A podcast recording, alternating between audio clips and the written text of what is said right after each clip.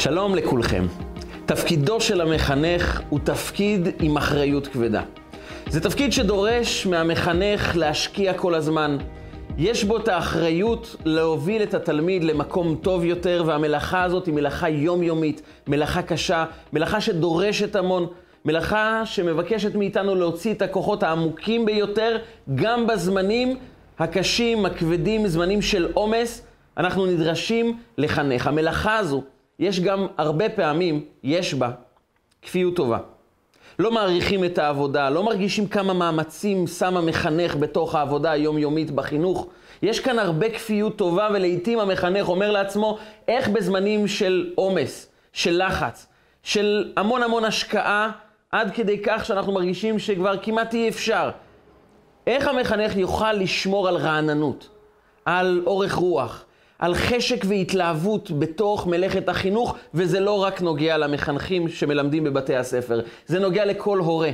כי הרי חלק מהותי, בלתי נפרד מהתפקיד של ההורה, זה גם לחנך את הילדים שלו. כל הורה מלמד, מחנך את הילדים שלו יום-יום. אבל לעיתים הלחץ בחיים הוא כבר כל כך גדול, גם עבודה, גם סידורים, לחצים כספיים, דברים שאנחנו צריכים לסדר, והילדים לעיתים גם מוציאים את ההורים מדעתם. כבר לא יכולים עם הילדים, כבר הלחץ עבר את הסף, והורה אומר, אני יכול להמשיך לחנך, אני יכול להמשיך להרגיש שיש בי התלהבות ורצון באמת לקדם את הילד הלאה. איך שומרים על ההרגשה הזו שלחנך ילד זה התפקיד הגבוה ביותר, להדריך את הילד, ללמד אותו, להעניק לו את מה שהוא צריך לקבל, זה תפקיד שכל יום ממלא אותי מחדש.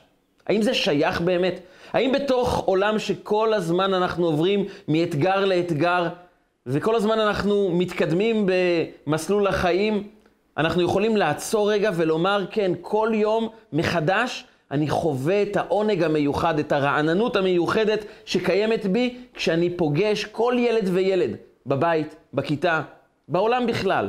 ואני יכול לראות בו משהו מיוחד, ואני יכול לחנך אותו, איך שומרים על ההתלהבות הזאת בתוך עולם שלא מפסיק להתקדם.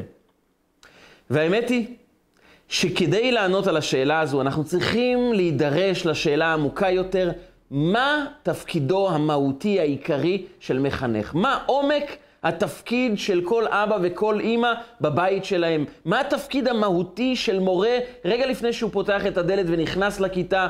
מה הוא בעצם בא לעשות? מהו חינוך בעצם? וכדי לחדור לעומק המושג של חינוך, נסתכל בפרשת השבוע, פרשת חוקת, על השירה השנייה של עם ישראל. כידוע, עם ישראל שרו שתי שירות לקדוש ברוך הוא. השירה הראשונה הייתה ביציאת מצרים. עם ישראל עומדים מול ים סוף, רואים את המצרים רודפים אחריהם ומבינים שזה או לטבוע בים או לחזור למצרים או להילחם, והמלחמה הזו אבודה. אף אחד לא יוכל להגן עלינו כי אנחנו חלשים. אנחנו עם של עבדים שרק יצאו ממצרים. והקדוש ברוך הוא עושה את הנס הגדול שאנחנו מזכירים עד היום, כל יום בתפילה. נס קריאת ים סוף. עם ישראל חצו את ים סוף, ראו את האויבים שלהם טובעים בים, הם קיבלו את כל הכסף והזהב, היהלומים, המרגליות של המצרים, והם באו ופתחו בשירה יחד עם משה רבנו. אז ישיר משה ובני ישראל את השירה הזאת להשם. הם שרו על היציאה ממצרים, על העובדה שהם ראו את כל השונאים שלהם טובעים והם יצאו עשירים לדרך חדשה, על זה שהם בני חורים, הם שרו שירים לקדוש ברוך הוא, והשירה הזאת נקראת שירת ים סוף, שמשה רבנו הדריך את עם ישראל, אז ישיר משה ובני ישראל ויחד את השירה הזאת להשם. 40 שנה מאוחר יותר, פרשת השבוע שלנו, פרשת חוקת. עם ישראל כבר מתקרבים לגבול מואב רגע לפני הכניסה לארץ ישראל.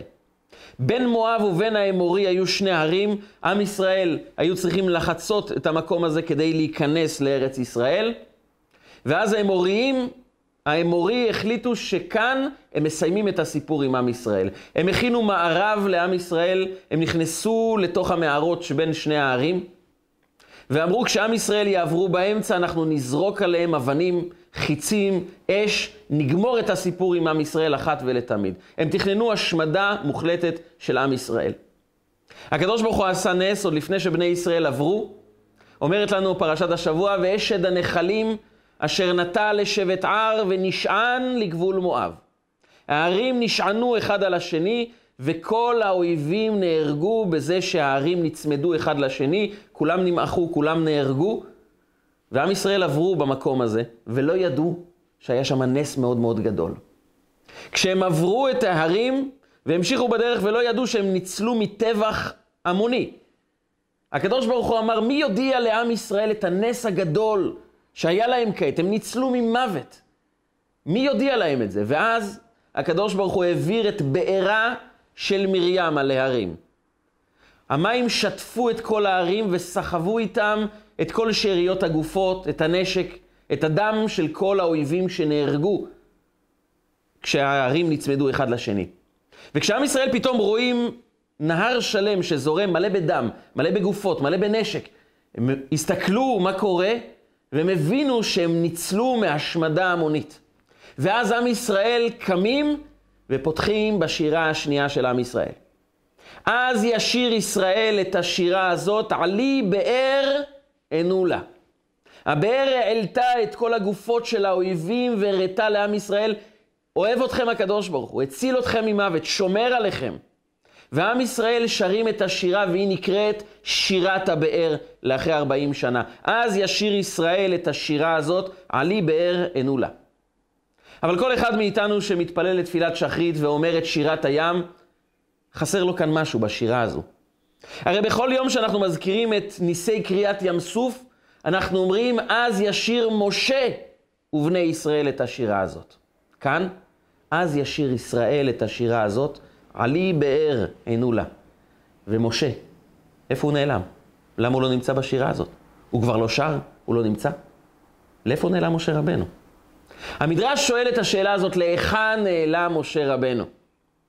וכדי להבין מדוע משה רבנו נעלם, נזכיר עוד פרט אחד בכל המאורע המיוחד הזה של שירת הבאר. הגמרא מספרת לנו סיפור מעט שונה על מה שהתרחש באותם רגעים. אומרת לנו פרשת השבוע משפט מאוד מעניין. עת על כן יאמר בספר מלחמות השם.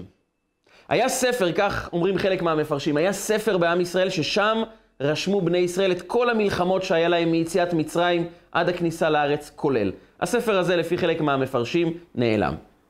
אבל התורה מספרת לנו מה נכתב באחד הפרקים בספר הזה. על כן יאמר, כך אומרת פרשת השבוע, על כן יאמר בספר מלחמות השם, עת והב בסופה ואת הנחלים ארנון. מפרש לנו רש"י, מה זה עת והב בסופה? את מה שנתן הקדוש ברוך הוא בים סוף. זה חלק אחד של השירים. והחלק השני, ואת הנחלים ארנון, את הנס הגדול שהתרחש בנחל ארנון.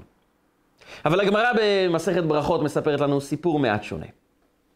מה זה עת והב בסופה ואת הנחלים ארנון? אומרת לנו הגמרא. היו שני מצורעים בעם ישראל. המצורע, כידוע, זה אחת הטומאות הגדולות ביותר. המצורע נדרש לצאת לגמרי ממחנה ישראל. לא רק באזור הקדושה אסור לו להיות, גם בכלל באזור שבו נמצאים יהודים, הוא חייב לצאת החוצה לגמרי. בדד ישב מחוץ למחנה. המצורע הזו טומאה כל כך גדולה, היא מרמזת, היא מראה על שפלות נפשית מאוד מאוד עמוקה. ולכן הם צריכים לצאת הכי רחוק שרק אפשר, כי הם נמצאים ברמה רוחנית כל כך שפלה, כל כך ירודה, שהם לא יכולים להיות עם אף אחד. בדד ישב מחוץ למחנה. והיו שני מצורעים בדיוק ברגעים האלה שהתרחש הנס לעם ישראל בנחל ארנון. שני המצורעים האלה נקראים, נקראו בשם עת והב. בסופה, בסוף המחנה הם היו.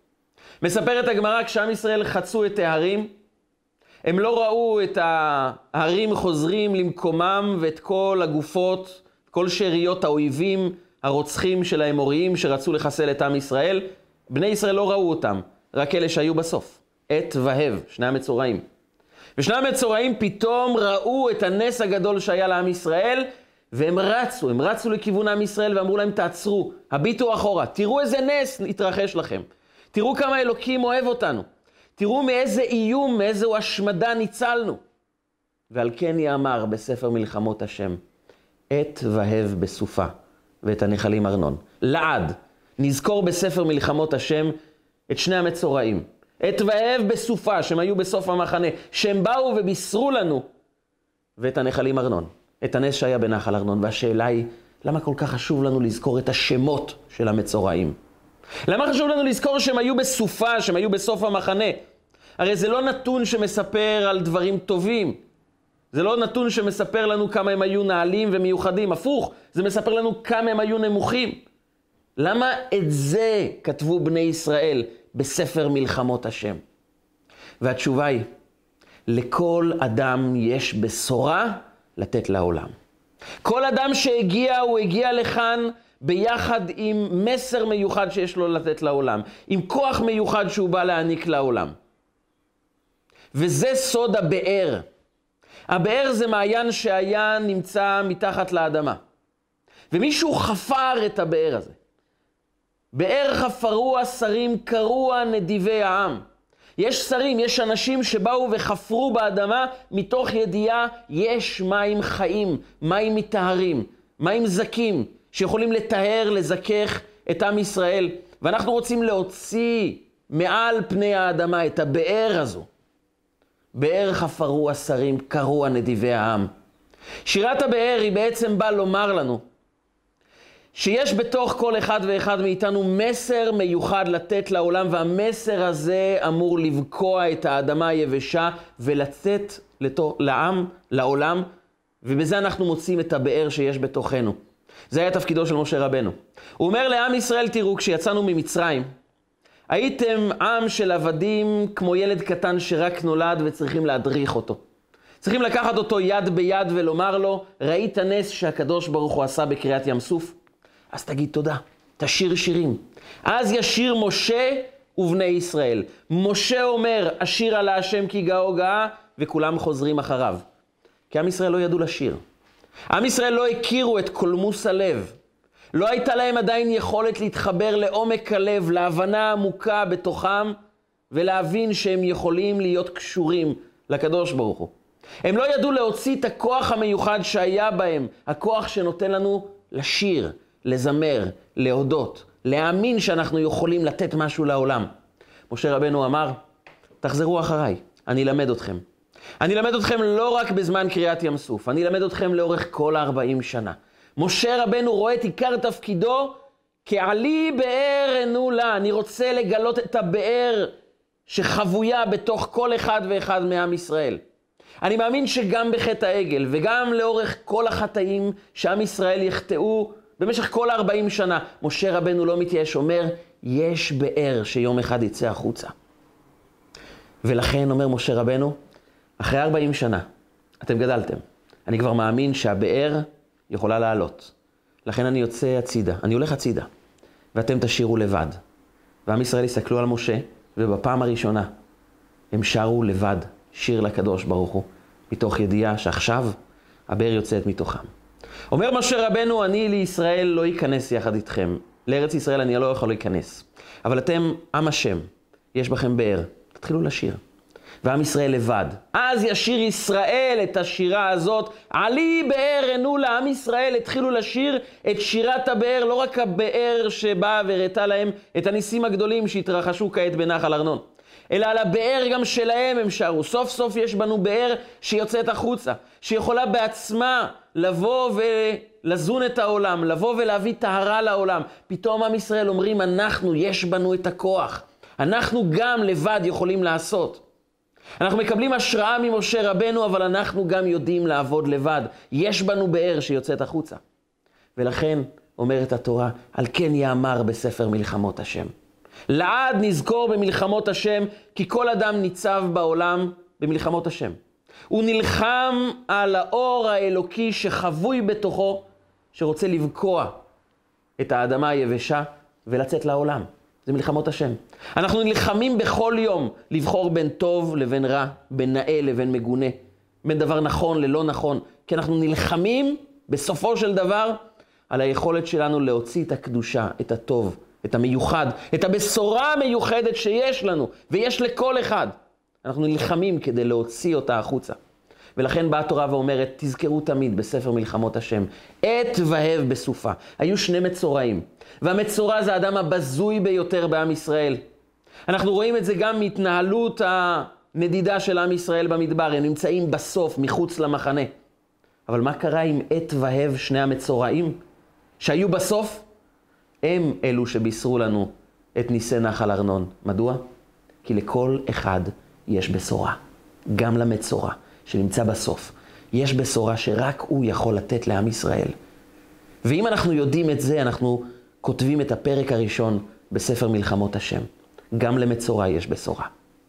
תפקידו המיוחד של המחנך, וזה תפקידו של משה רבנו לאורך כל 40 שנה, זה לגלות לכל אחד מעם ישראל שמסתכל על עצמו כמצורע, מסתכל על עצמו כאחד שהוא חסר תכלית, אין בו שום דבר מיוחד. הוא לא מצליח בלימודים, אין לו את ההתנהגות הטובה, אין לו מידות טובות, אין לו שום כישרון, הוא מרגיש מצורע בסוף המחנה. ועל כן יאמר בספר מלחמות השם, תזכרו לעד. עת והב בסופה, כן זה השמות שלהם. שניהם מצורעים, שניהם נמצאים בסוף. זה התלמידים הגרועים ביותר. הם מבלים יותר מחוץ לכיתה מאשר בתוך הכיתה, אבל יש להם בשורה שרק הם יכולים לתת לעולם. ותפקיד המחנך זה קודם כל, לפני העברת הידע, לפני הקניית הרגלים נכונים, זה קודם כל, בלי מילים, להביט על כל אחד ולדעת. יש בו בשורה של גאולה לעם ישראל. יש בו בשורה שרק הוא יכול לבשר. יש בו באר מיוחדת שאמורה לעלות, וזה עיקר תפקידי. פשוט עלי באר ענו לה. זה תפקידו של המחנך. להאמין שלכל אחד יש בשורה. בתוך כל הבלגן עם כל הילדים, בתוך כל הלחץ, בתוך המתחים, בתוך האתגרים, וגם בזמנים שהורה כבר משתגע ואומר לילדים שלו, יש לכם כנראה בשורה אחת וזה לשגע אותי, להוציא אותי מדעתי. בעומק בעומק. הוא עוצר ואומר לעצמו, כל ילד בא לבשר בשורה. אין אדם שדומה לחברו. לכל אחד יש משהו ייחודי, לא רק בפנים שלו. יש משהו ייחודי כמסר לעולם. ואם אנחנו יודעים שהילד הקטן הזה, שלא מפסיק לעשות שטויות, שמקבלים כל כך הרבה שיחות טלפון מהמורים, כמה הוא לא בסדר וכמה צריכים אה, לשנות את ההתנהגות שלו באופן מוחלט ושיתחיל ללמוד, אנחנו קודם כל, לפני הכל, מסתכלים עליו כבשורה מיוחדת לעולם. זה תפקידו של המחנך. אחת הדוגמאות המפורסמות במשנה שהתלמוד הבבלי נותן לנו על דמותו של המחנך היה רבי ישמעאל. רבי ישמעאל היה אחד מגדולי התנאים, היה חברו של רבי עקיבא. הוא היה כהן, הוא היה אדם רוחני מאוד, אבל היה בו משהו מיוחד. הוא היה משקיע בבנות ישראל. מספרת לנו המשנה במסכת נדרים את הסיפור הבא. הייתה נערה צעירה, כשהיא הייתה עוד ילדה, שידחו אותה ההורים, ככה היה מקובל באותם זמנים, שהיו משדכים את הילדים בעוד הם קטנים לאחד מקרובי המשפחה הרחוקים. אה, הדוד או בן דוד, אנשים כאלה שקרובים למשפחה, אבל יכולים עדיין להתחתן על פי כללי ההלכה, משדכים אותם. ואז כשהם גדלים לאחר עשר שנים, עושים את החתונה, מתחתנים יחד. שידחו את אותה נערה, וכשהיא גדלה, בא לפגוש אותה החתן המיועד, כי אסור להתחתן לפני שרואים את הכלה. ישבו ביחד לדבר, והוא החליט שהוא לא רוצה להתחתן איתה. והוא קם ונדר, אני איתה לא מתחתן, ושאלו אותו מדוע, למה אתה לא מתחתן איתה? זו נערה טובה, היא ממשפחתך, למה אתה נודר שאתה לא מתחתן איתה? הוא אמר, לפי שהיא כעורה בעיניי. הכיעור שלה כל כך חמור, שאני לא מסוגל להתחתן איתה. היא כעורה בעיניי. והנערה חזרה הביתה מושפלת. מושפלת כי לא רק שלא רוצים להתחתן איתה, פשוט נודרים נדר שאי אפשר להתחתן עם אחת כזו מכוערת. הייתה שבורה, והסיפור הזה הגיע לרבי ישמעאל. ורבי ישמעאל, בתוך לימוד התורה הגדול שלו עם המוני התלמידים, עזב את בית המדרש, והזמין את הנערה אליו הביתה. הוא ואשתו טיפלו בה. השקו אותה, האכילו אותה, הלבישו אותה, דאגו לה לטיפולים, אישרו לה את השיניים שלה. ולאחרי זמן שהיא כבר התייפתה, הוא קרא לחתן שנדר לא להתחתן, והחתן אמר לרבי ישמעאל, אני נדרתי לא להתחתן, אי אפשר לבטל נדר? אמר לו רבי ישמעאל, יש צורה אחת על פי הלכה שאפשר לבטל בה נדרים. תבוא הביתה, תסתכל עליה. האם מזו נדרת? אתה נדרת לא להתחתן עם אחת כזו? הוא הסתכל עליה ואמר, זו אחת שונה לגמרי. מזו לא נדרתי. אני חשבתי על אחת מכוערת, כעורה, זו אישה אחרת. אמר לו רבי ישמעאל, הנדר שלך מבוטל, כי כשנדרת לא ידעת מי היא באמת. לא ידעת מה היופי שמסתתר בתוכה. אבל אנחנו עבדנו, עבדנו לגלות את היופי המיוחד שיש בתוך אותה אישה. והם התחתנו. ובחתונה כולם שמחו ורקדו, היה אחד שבכה. זה היה רבי ישמעאל. רבי ישמעאל היה בוכה ואומר, בנות ישראל נאות הן, אלא שהעניות מנוולתן. הוא אומר, העולם מסתכל כל כך בצורה חיצונית ואומר, זו כעורה, זה לא טוב, זה תלמיד לא בסדר, זה חסר כישרונות, זה אין מה לעשות איתו. אבל בנות ישראל נאות הן, בכל אחד מסתתר יופי. והוא היה בוכה על כישרונות, על בארות שנשארים לעד עמוק בתוך האדמה, מכוסים בבוץ. ואין אחד שמוכן לחפור, להסיר את הבוץ, להוציא את החול ולגלות את הבאר. בנות ישראל נאות הן, אלא שהעניות, העניות היא העניות בדעת, שאנחנו לא מאמינים שיש טוב באמת, לא רק בשני, גם בי בתוכי. להאמין שיש גדלות בתוך כל אחד מאיתנו. להבין שכאשר הקדוש ברוך הוא שולח אותנו לעולם, הוא שולח אותנו עם ניצוץ אלוקי, עם אור מיוחד, עם כישרון מיוחד, שאותו אנחנו צריכים לגלות. ורבי ישמעאל היה בוכה ואומר, כמה בארות לא מתגלים. כמה יופי יש בעם ישראל שלא מתגלה כי חסר חופרים. אנחנו רואים לאורך כל התורה שהאבות הקדושים, אברהם, יצחק ויעקב, לא מפסיקים לחפור בארות. אתה שואל את עצמך, למה זה התפקיד המיוחד שהם בחרו לעצמם? אברהם, יצחק ויעקב, לא רק שהם חופרים בארות כל הזמן, גם רוב החתונות של גדולי ישראל, משה רבנו, יצחק, יעקב, מתרחשים ליד באר. יצחק פוגש את, את רבקה אימנו אחרי שהוא חוזר מבאר לחי רועי. יעקב פוגש בפעם הראשונה את רחל ליד הבאר. ומשה רבנו, מנהיג ישראל, פוגש את ציפורה, אשתו לעתיד, ליד הבאר. כי מה הבאר בא לומר? הבאר זה לא מעיין ולא בור, יש לנו כמה מקורות מים. יש לנו שלושה מקורות מים שזה מעיין, בור ובאר. מעיין זה מים שבקעו את האדמה לבד, יצאו, והם מביאים מים חיים לעולם. אף אדם לא נגע בזה, זה נוצר לבד, משמיים. בור זה ההפך. בור זה אדם שלבד חפר באדמה, לא מצא מעיין, אבל סייד את הבור ודאג למלא במים את הבור. זה מעשה ידי אדם לגמרי. מה זה באר? באר זה אדם שאמר, לי אין מים, אבל אני מאמין שבפנים יש מים, ולכן אני חופר. החופר בארות זה אדם שדבר אחד מניע אותו. הוא אומר, יש באר שמסתתרת, יש כאן מים חיים, שאני, תפקידי, זה להוציא את זה החוצה. וזה המיוחד בבאר. כי באר זה בעצם מהות התפקיד שלנו בתור מחנכים, וגם אדם שמתחתן, ובכלל, ביחסים בינינו, להאמין שיש באר שמבקשת רק, רק דבר אחד, תחפרו, לחפור. לנסות לחדור לעומק ולגלות את הטוב שקיים. כשאדם מתחתן בעולם שבו אנחנו חיים, אם שואלים אדם למה התחתנת, או שואלים את האישה למה התחתנת איתו, כל אדם יגיד כמה דברים טובים הוא מקבל מהשני. אבל אם אדם מתמקד במה הוא מקבל, ניצבים כאן בבית אחד שני אנשים שכל אחד חושב רק על עצמו. וכאן התורה מציעה לנו משהו אחר, להתחתן ליד הבאר. הבאר זה אדם שחופר כדי לגלות מעיין שבוקע מהשני. הוא מתחתן לא כדי לקבל, אלא כדי לגלות בבן הזוג, בת הזוג, האיש באישה והאישה בבעל, לגלות את הבאר המיוחד. יכול להיות שזה לוקח זמן, זה לא מיד. את החסרונות את החסרונות אנחנו נוטים לראות מיד. מיד אנחנו מבחינים בחיסרון. את הטוב, את הבאר, רואה רק אדם שמוכן להשקיע, שמוכן לחפור, שמוכן להשקיע, להוציא עוד בוץ ועוד בוץ, עד שהוא רואה את המעיין. אבל יש משהו אחד שמניע אותו כל הזמן. הוא מאמין שיש כאן באר מים חיים.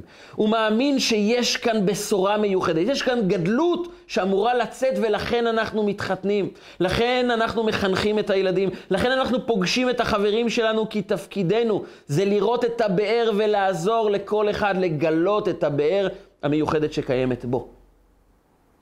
זה תפקידו של הבאר. זה תפקיד הנישואין, זה תפקיד החינוך. זה להבין שיש לכל אחד בשורה גדולה לתת לעולם.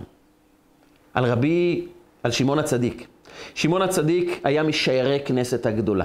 היה אחד מגדולי ישראל בתקופת בית שני. הוא היה כהן גדול שנכנס במשך עשרות שנים לקודש הקודשים, מה שהוא אומר, שהוא היה צדיק כל כך גדול שהוא יכל להיכנס לקודש הקודשים ולצאת בשלום. כי מי שלא היה צדיק לא היה יוצא בשלום מקודש הקודשים. בתקופת בית שני היו לא מעט אנשים שרכשו בכסף את התואר כהן גדול, וכמובן, כשהם נכנסו לקודש הקודשים, הם לא יצאו משם. כי בקודש הקודשים בוחנים את האדם לפי מה הוא באמת.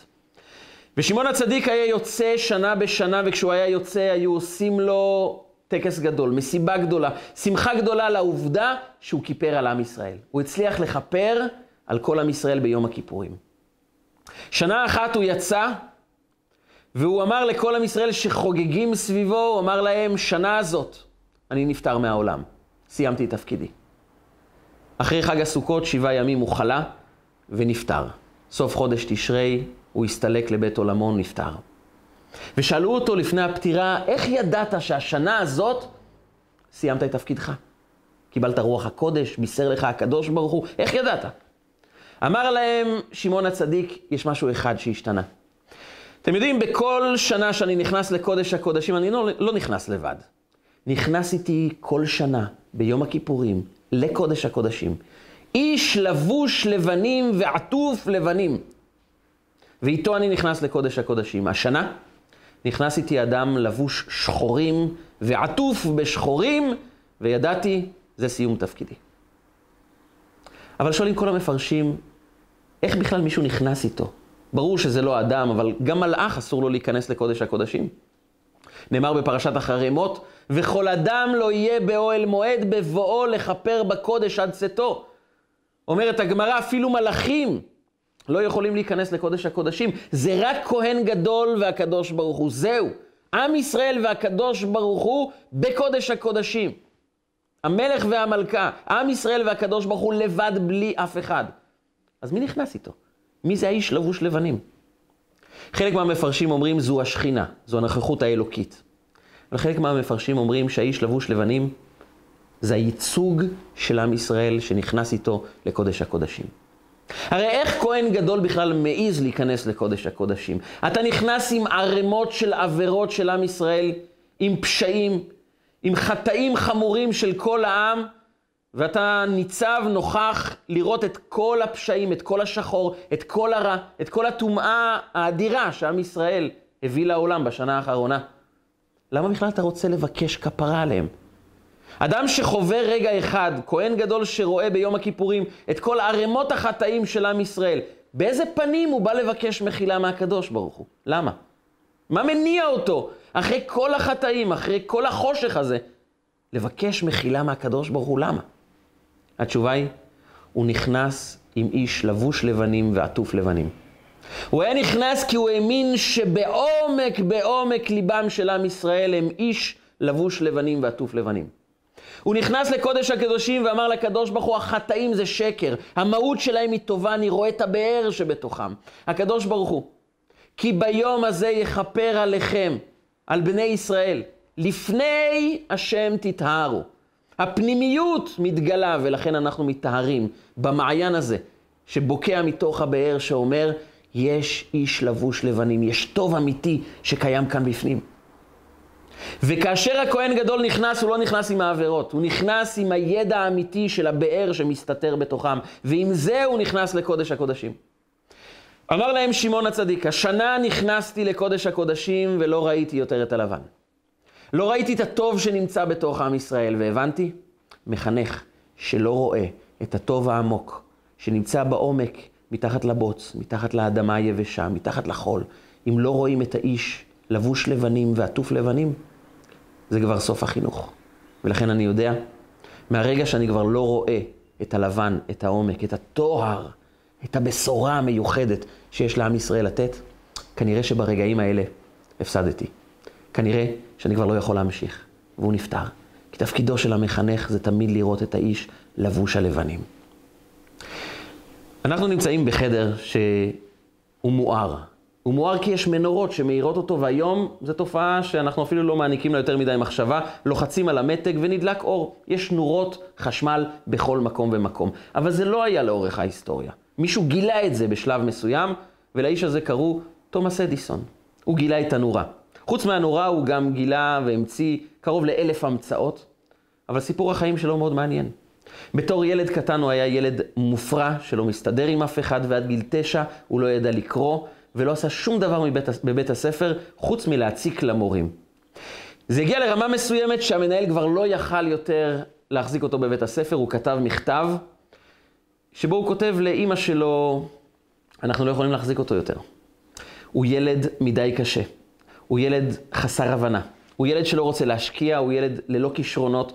בגיל תשע הוא עדיין לא יודע לקרוא, הוא מתחת לממוצע, לנו אין אפשרות להחזיק ילד שאין בו שום דבר מוצלח.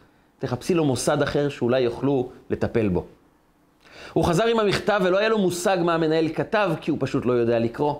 הוא העניק לאימא שלו את המכתב, ואימא שלו קוראת את המכתב, ולא אומרת כלום.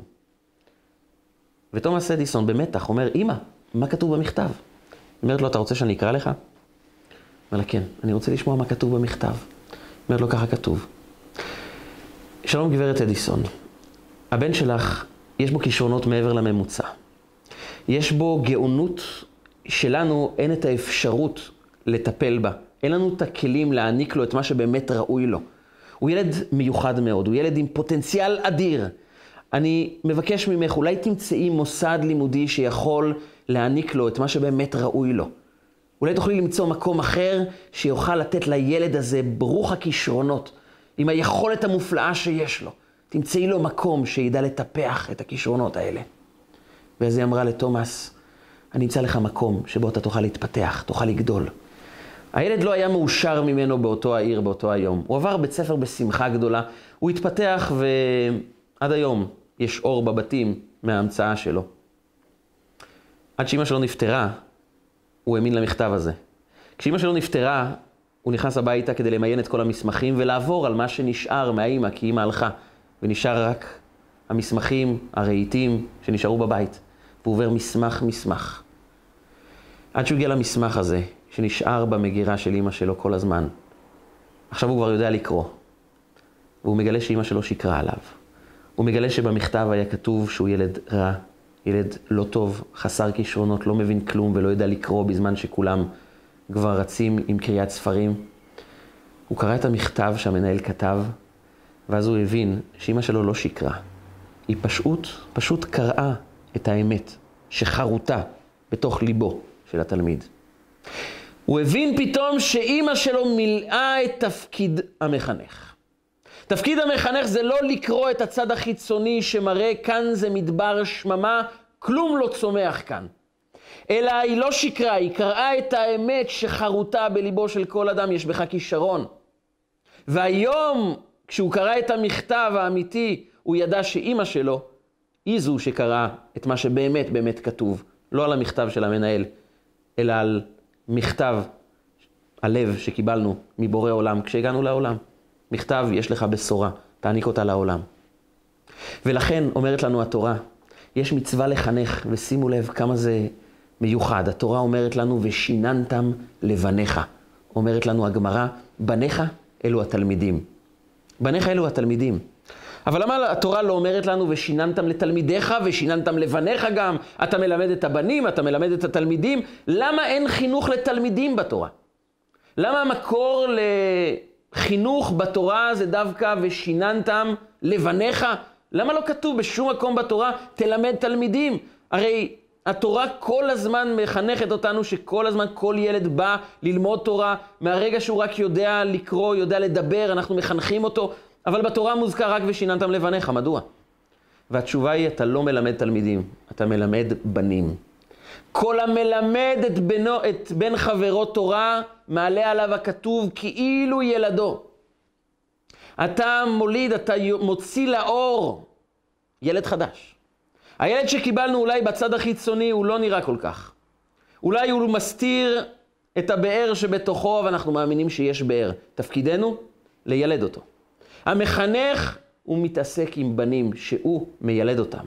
הוא נותן להם לבוא לאוויר העולם ולראות שיש בהם באר שיוצאת לאור.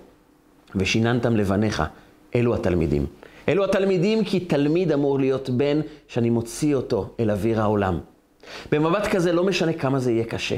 לא משנה כמה אנחנו נחווה סחף וסוג של התנהלות חיים שכל כך מקשה עלינו. אבל אנחנו עוצרים רגע ואומרים, יש כאן באר מיוחדת, שעליה בני ישראל התפללו. עלי באר ענו לה, שרו לקדוש ברוך הוא, ושירה זה העומק שבוקע מתוכנו והוא יוצא מתוך שירה, כי שירה זה דרך התבטאות הלב, עומק הלב מתבטא בשירה.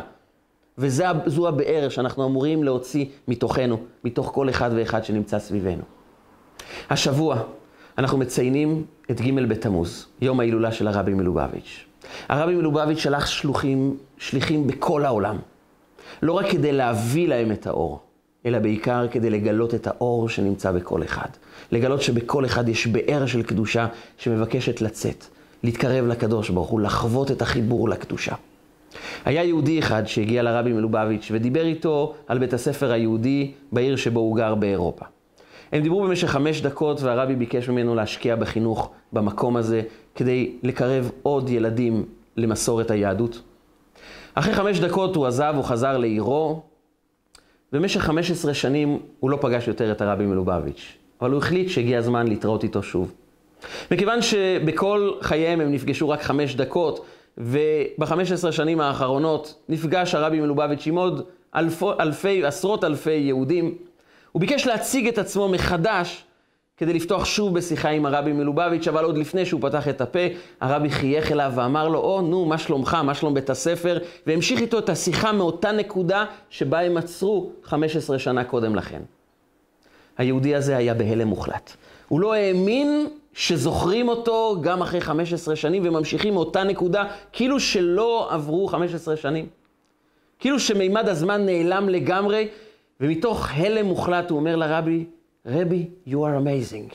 רבי, אתה מדהים. זה מה שהיה לו לומר. והרבי חייך אליו ואמר לו, אבל מה יצא לעולם אם אני מדהים? במילים אחרות, התפקיד שלי זה לא להיות מדהים. התפקיד שלי זה לא לומר לעצמי, הנה תראו כמה אני מדהים, כי אנחנו מחפשים לא מעט פעמים בעולם שיראו כמה אנחנו מדהימים. אנחנו מחפשים להראות את עצמנו, אבל אומר הרבי, אתה יודע מה התפקיד האישי שלי? התפקיד האישי שלי זה לא להיות מדהים. זה לגרום לך להאמין שאתה מדהים. זה לגרום לכל אחד להאמין שהוא באר, שיש לו בשורה מיוחדת, שיש לו גדולה. תפקידו של המחנך זה לראות גדולה בכל אחד, לראות בשורה בכל אחד. שכל אחד יאמין שהוא מדהים, בזה אנחנו ממלאים את השלב הראשון של המחנך. ואם כל אחד מאיתנו יחוש בתחושה פנימית שיש לו בשורה של קדושה לתת לעולם. בשורה מיוחדת מתוך אמונה שלא משנה, גם אם אדם מרגיש שהוא מצורע בסוף המחנה, זה לא משנה בכלל, זה מה שנאמר בספר מלחמות השם, עת ואהב בסופה. השלב הראשון במלחמות השם, המלחמה על החיים שלנו, המלחמה על הבאר שלנו, המלחמה על הבשורה שלנו, זה להאמין שגם אם אנחנו במצב של עת ואהב בסופה, אנחנו אלה שנבשר על ניסי נחל ארנון. ואם כל אחד מאיתנו יתחבר לגדולה שבו, וישקיע בהוצאת הבאר של השני החוצה, בילדים, בתלמידים, בחברים, האישה בבעל, הבעל באישה, אם כולנו נתחבר לתודעה הזאת, שיש בתוכנו את העלי באר לה. הבאר של כולנו תתחבר, האור המיוחד של כולנו יהפוך לאור גדול, שיגלה אצל כולנו את אורו של משיח צדקנו, שיבוא ויגאל אותנו במהרה בימינו. אמן. רגע של חוכמה, רגעים קצרים ומשנה חיים. הצטרפו אלינו, הרשמו לערוצי רגע של חוכמה ביוטיוב, בפייסבוק, באינסטגרם ובוואטסאפ.